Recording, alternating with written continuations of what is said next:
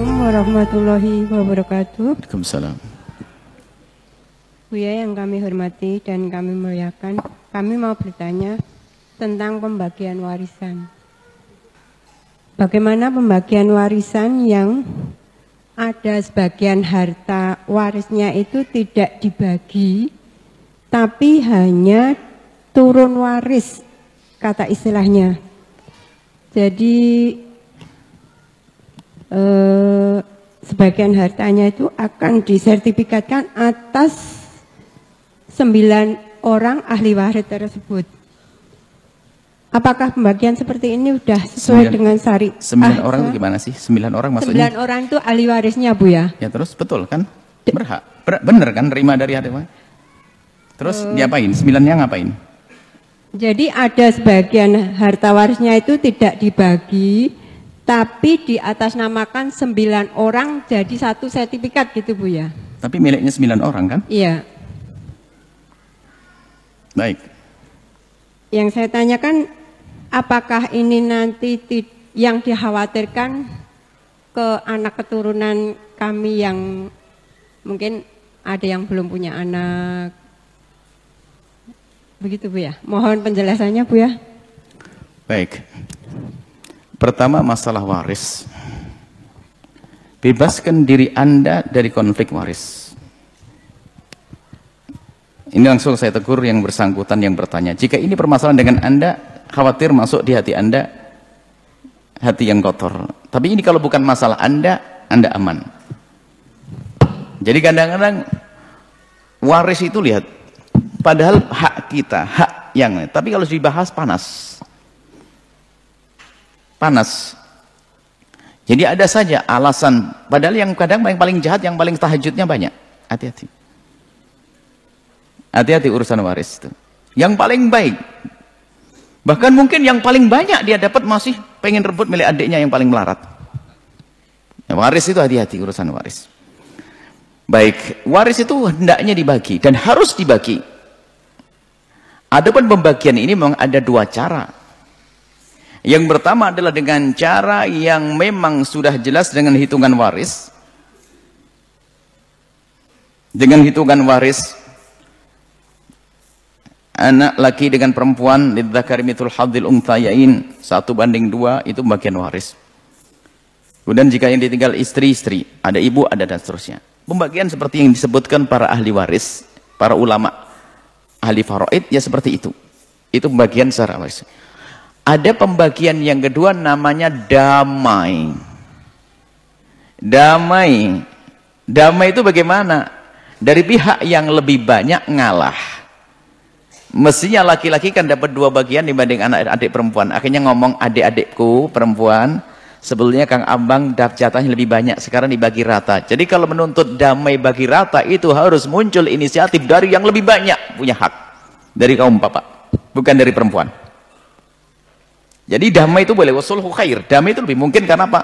Rumahnya kebetulan kok tujuh anaknya, sembilan anaknya, sembilan sudah rumahnya masing-masing sudah oke oke oke oke oke. Dari pihak yang paling laki, yang paling berhak mendapatkan sesuatu yang banyak, dia yang memulai. Kita damai saja. Kalau sudah damai, miliknya, miliknya, milik selesai. Nggak ada tuntutan lagi setelah itu. Karena sudah dihalalkan. Kurang lebihnya, kalau ada lebih di aku, aku maafkan. Lebih di kamu, maafkan aku ya. Kita akan saudara, itu damai. Baik. Kemudian ada jika sertifikat itu tidak dibagi, tapi haknya tetap dibagi. Itu bisa terjadi ada dua model. Urusannya kayak tanah atau PT perusahaan. Ini anaknya sembilan kalau perusahaan jangan dibagi dong. Kalau perusahaan dibagi hancur. Mau dipetak-petak perusahaan? Enggak. Maka perusahaan ini sertifikatnya anak sembilan. Baru bener. Baru nanti yang dibagi apa? Pembagiannya sesuai dengan sahamnya. Sahamnya seperti hitungan waris. Kalau dibagi pabrik itu rusak. Nggak bisa itu nanti. Makanya ini apa sih yang katanya nggak dibagi tadi kan harus jelas. Tapi kalau tanah misalnya satu rumah, karena rumah pusaka sayang, jadi sertifikat, sertifikat namanya sembilan anak. Itu sebetulnya itu belum dibagi, hanya ditunjukkan kepada semuanya bahwasanya rumah ini miliknya anak sembilan itu. Karena ini miliknya anak sembilan, seperti kalau dalam sebuah bisnis ya ini sahamnya sesuai bagian warisnya. Dari rumah itu saya dapat bagian seberapa seperti bagian waris saya. Jadi makna milik bersama di sini harus ya difahamkan makna itu. Jadi ini milik bersama bukan berarti sama-sama tidak memiliki. Tapi justru kita memiliki hanya dikumpulkan saja belum dibagi. Nah, kalau sudah begini hendaknya dijelaskan nanti bahwa dari rumah yang tidak dibagi tapi sertifikat yang bersama-sama harus didudukkan. Dari satu rumah ini saya sebagai anak laki-laki dapat bagian begini-begini. Dari rumah itu berapa persen yang milik saya? Adiknya. Dan nanti kalau tiba-tiba mati, ya mungkin yang lain nyusuki. Disusukin. Sebab mau dijual, sayang itu miliknya Abah sama Umi. Rumah peninggalan Abah Umi. Kalau nggak dijual, eh gimana? Saya butuh uang. Disusuki sama yang lainnya. Jadi itu boleh, akan tapi itu belum dibagi. Jadi dalam sertifikat satu, anggap saja itu rumah, berarti semua dari anggota anak-anak tadi itu punya per, berapa persen di situ.